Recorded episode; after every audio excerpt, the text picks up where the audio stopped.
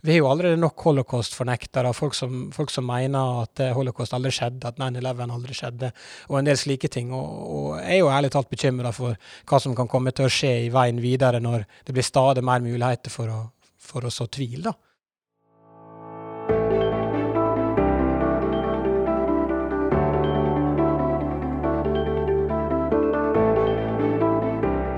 Tenk deg at du ser en video på internett av Norges statsminister, hvor hun sier at Norge innen kort tid vil bli rammet av et atomvåpenangrep, og at vi må søke dekning i nærmeste bomberom. Sånne type videoer kan florere på nettet om noen få år. For teknologien for å lage såkalte deepfakes blir stadig mer tilgjengelig. Men dette er ikke bare uskyldig moro. Disse falske videoene har sprengkraft til å sørge for politisk motivert vold, sabotere valg og ødelegge diplomatiske relasjoner. Du hører på podkastutgaven av Hvor hender det? fra NUPI. Jeg heter Therese Leine. Denne gangen så har vi med oss Erik Kursetgjerde, som er vitenskapelig assistent ved Norsk utenrikspolitisk institutt. Og han forsker på konsekvenser av digitalisering.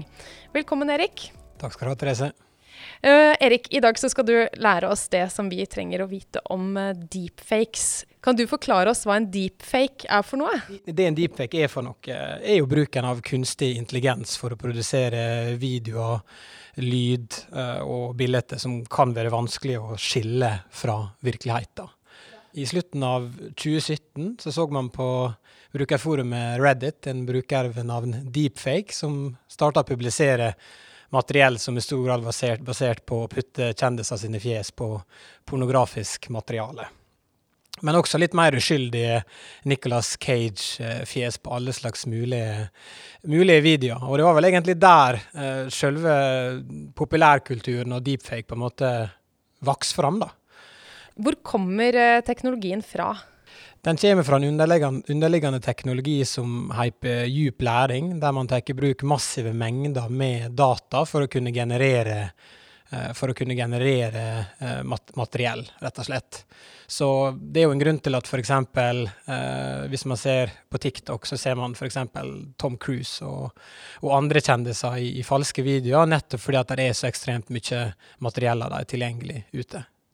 Og Hvordan går man fram for å lage en, eh, en, eh, deepfake? Det er jo egentlig ganske, det er jo litt av det som er bekymringsverdig, at det er blitt ganske enkelt å lage en deepfake. Du har jo disse enkle mobilapplikasjonene som Reface og annet, der man trenger to tastetrykk, så har man en, en deepfake. Eh, de er jo heldigvis ikke blitt så realistiske ennå, men det finnes jo mange applikasjoner også som du kan laste ned på datamaskinen din, som er veldig enkle å, å bruke. Da. Og det man bruker, er jo det som heter dype nevrale nettverk, som da involverer slags autokoder, som bruker en teknikk for bytting av, av ansikt. Vil si at man har en, en målvideo f.eks. av eh, Donald Trump, og så har man et fjes man ønsker å putte på, på, på Donald Trump. da.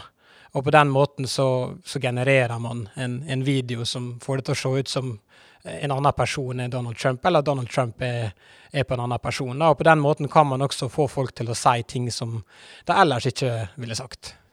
For det er jo ikke bare ansikter som manipuleres til å se ut som andre. Også stemmer kan bli så like at det er kjempevanskelig å vite um, om det er ekte eller ikke.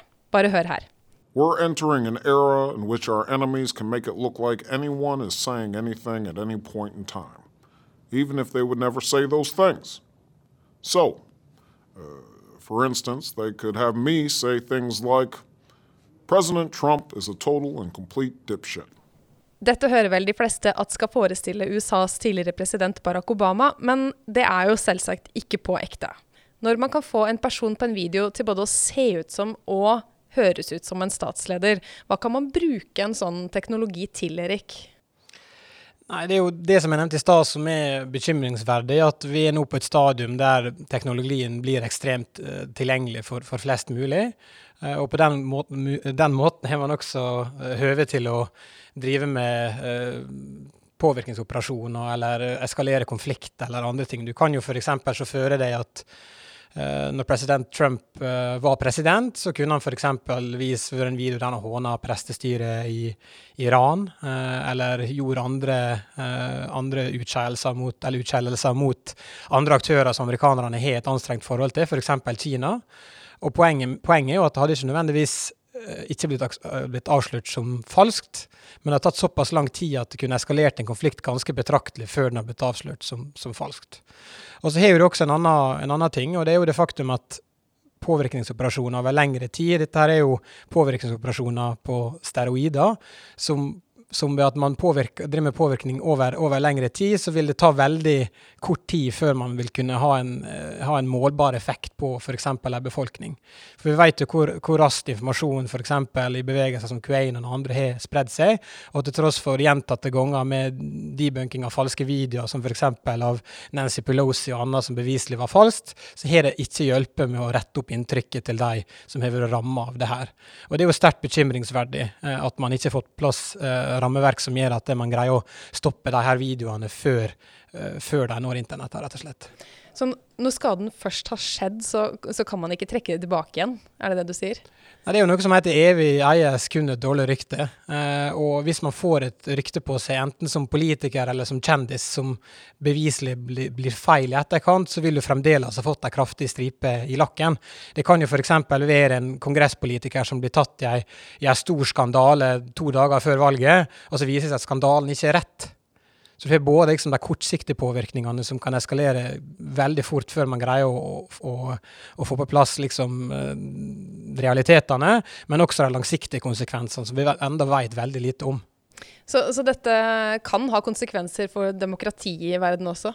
Ja, det er, jo, det er, jo, noe med at det å ha institusjoner er jo i stor grad basert på tillit. Og har ikke innbyggerne i landet tillit til institusjonene eller makthaverne, eh, så vil det bli veldig vanskelig å kunne drive en stat. Uh, og når man bevisst går inn og driver med, driver med påvirkningsoperasjoner i, i, andre land, så, så vil, vil, jo, vil, jo, det kunne bidra til å undergrave den tilliten som folk har til institusjoner og myndigheter, og, og, igjen svekke staten internt. Da. Når du sier påvirkningsoperasjoner, hva mener du da? Nei, Da mener jeg at det er en aktør, eh, land eller gruppe eller annet, som bevisst går inn for å f.eks. Uh, svekke institusjoner i gitte land. Det kan jo f.eks. være uh, russisk innblanding i amerikansk val, Det kan være påvirkningsoperasjoner der man sprer falske rykter om, om andre kandidater uh, andre, fra andre land, f.eks. Der fins flere forskjellige typer påvirkningsoperasjoner. Og det kan man bruke en deepfake-video til? Det kan du bruke en deepfake-video til. fordi Særlig når, gjelder, særlig når, det gjelder, kjendiser og politikere og andre, så er det så ekstremt mye tilgjengelig offentlig materiell at det er ikke noe problem å generere en, en deepfake av f.eks. Donald Trump. da. Eh, det kan jeg gjøre hjemme i, stua mi uten å ha en veldig høy digital kompetanse. Og Da kan du tenke deg hvor stor mulighet man har hvis man er en stat med, med mange eksperter på, på deepfake-teknologi, og ikke minst tilgang til ekstremt store mengder med datamaskiner og hardware som er datakraft til å generere slike deepfakes. Kan du komme med et konkret eksempel på en situasjon som kan gå skikkelig ille? Vi vet jo at det der er ekstremt mange betente, betente konflikter i, i, verden den dag i dag. Og hvis man får en, eh, en prominent figur, uh, eh, f.eks. i høve Iran, USA, uh, gnisninger, eller Kina, USA og andre ting, så kan jo det f.eks. eskalere en ny uh, handelskrig, det kan eskalere til nye sanksjoner, og i verste fall kan jo det sørge for at det blir gjennomført krigshandlinger. Uh, det er jo litt avhengig av hva slags type situasjon det er, men i den situasjonen med Trump f.eks., der han sa stort sett det han tenkte, uh, så var jo det en veldig stor risiko for at en, en deepfake kunne kommet på avveier og folk hadde trodd det var ekte. For det, det, som begrenser handlingsrommet på deepfaken enn så lenge, heldigvis, det er jo flere ting, men, men, men en av hovedpoengene er at man også vil sette inn i konteksten til vedkommende, så har du en relativt stabil president, da, som, som, Joe Biden jo er, så er det rimelig litt sannsynlig at han hadde gjort narr av islam eller av pressestyret i Iran, men Donald Trump kunne fint ha gjort det. Så det her er veldig kontekst, eh, kontekstavhengig, rett og slett. Men hvem kan vi se for oss at kan bli målet for noe sånt nå? Altså, kan, kan Norge bli målet for en eh, sånn eh, deepfake-video?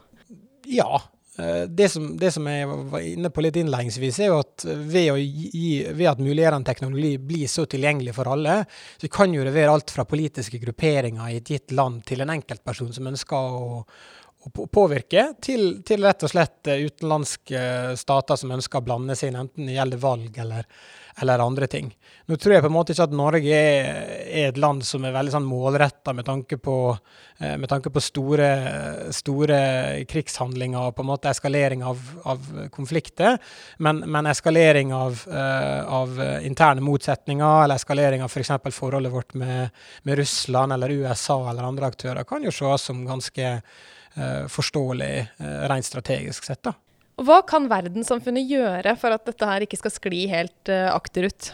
Nei, nå, nå har jo det vært en del dialog på tvers av landegrenser, også i FN, knytt til hva slags initiativ man kan, man, kan, man kan, gjennomføre for å legge press på de store selskapene. For det er jo i stor grad der informasjonsflyten Eh, foregår. Og det er jo stort sett også der algoritmene sørger for at uh, mennesker får tilgang til ekstreme mengder feilinformasjon. Og da snakker du om? Jeg snakker om Facebook, Twitter, TikTok. Her det er jo veldig mange forskjellige medier som uten tvil har en ukritisk informasjonsflyt. Og så er jo den balansegangen mellom, mellom, å regulere informasjonsflyt og ha et fritt internett som på en måte er den store kampen her, da.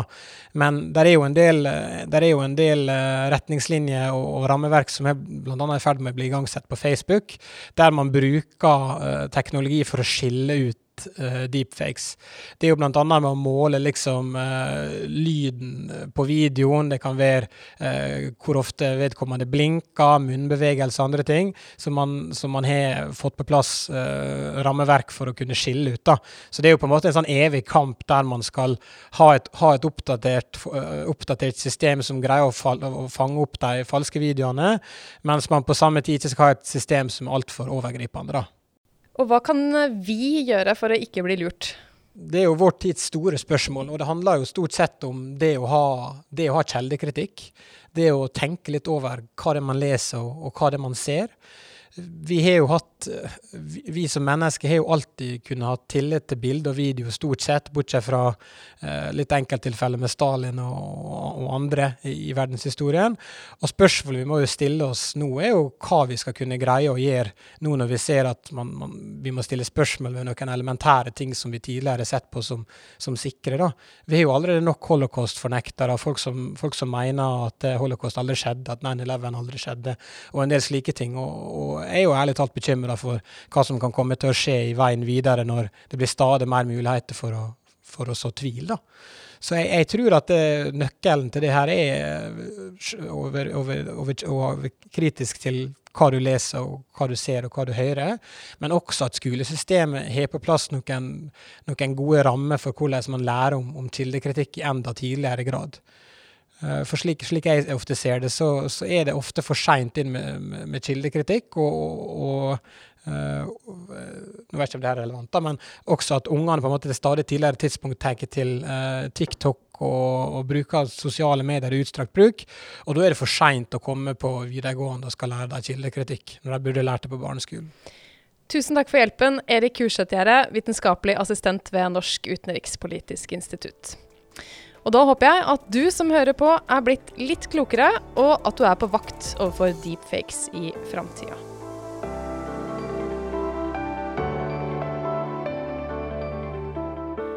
Hvis du vil høre mer, så kan du søke opp Nupi podkast på Soundcloud eller en annen podkast-app. Denne podkasten var basert på en artikkel fra Nupis artikkelserie Hvor hender det?. Hvis du er interessert i å lære mer om deepfakes, eller hvis du vil lese andre artikler om utenrikspolitikk, så kan du besøke oss på nupi.no slash skole.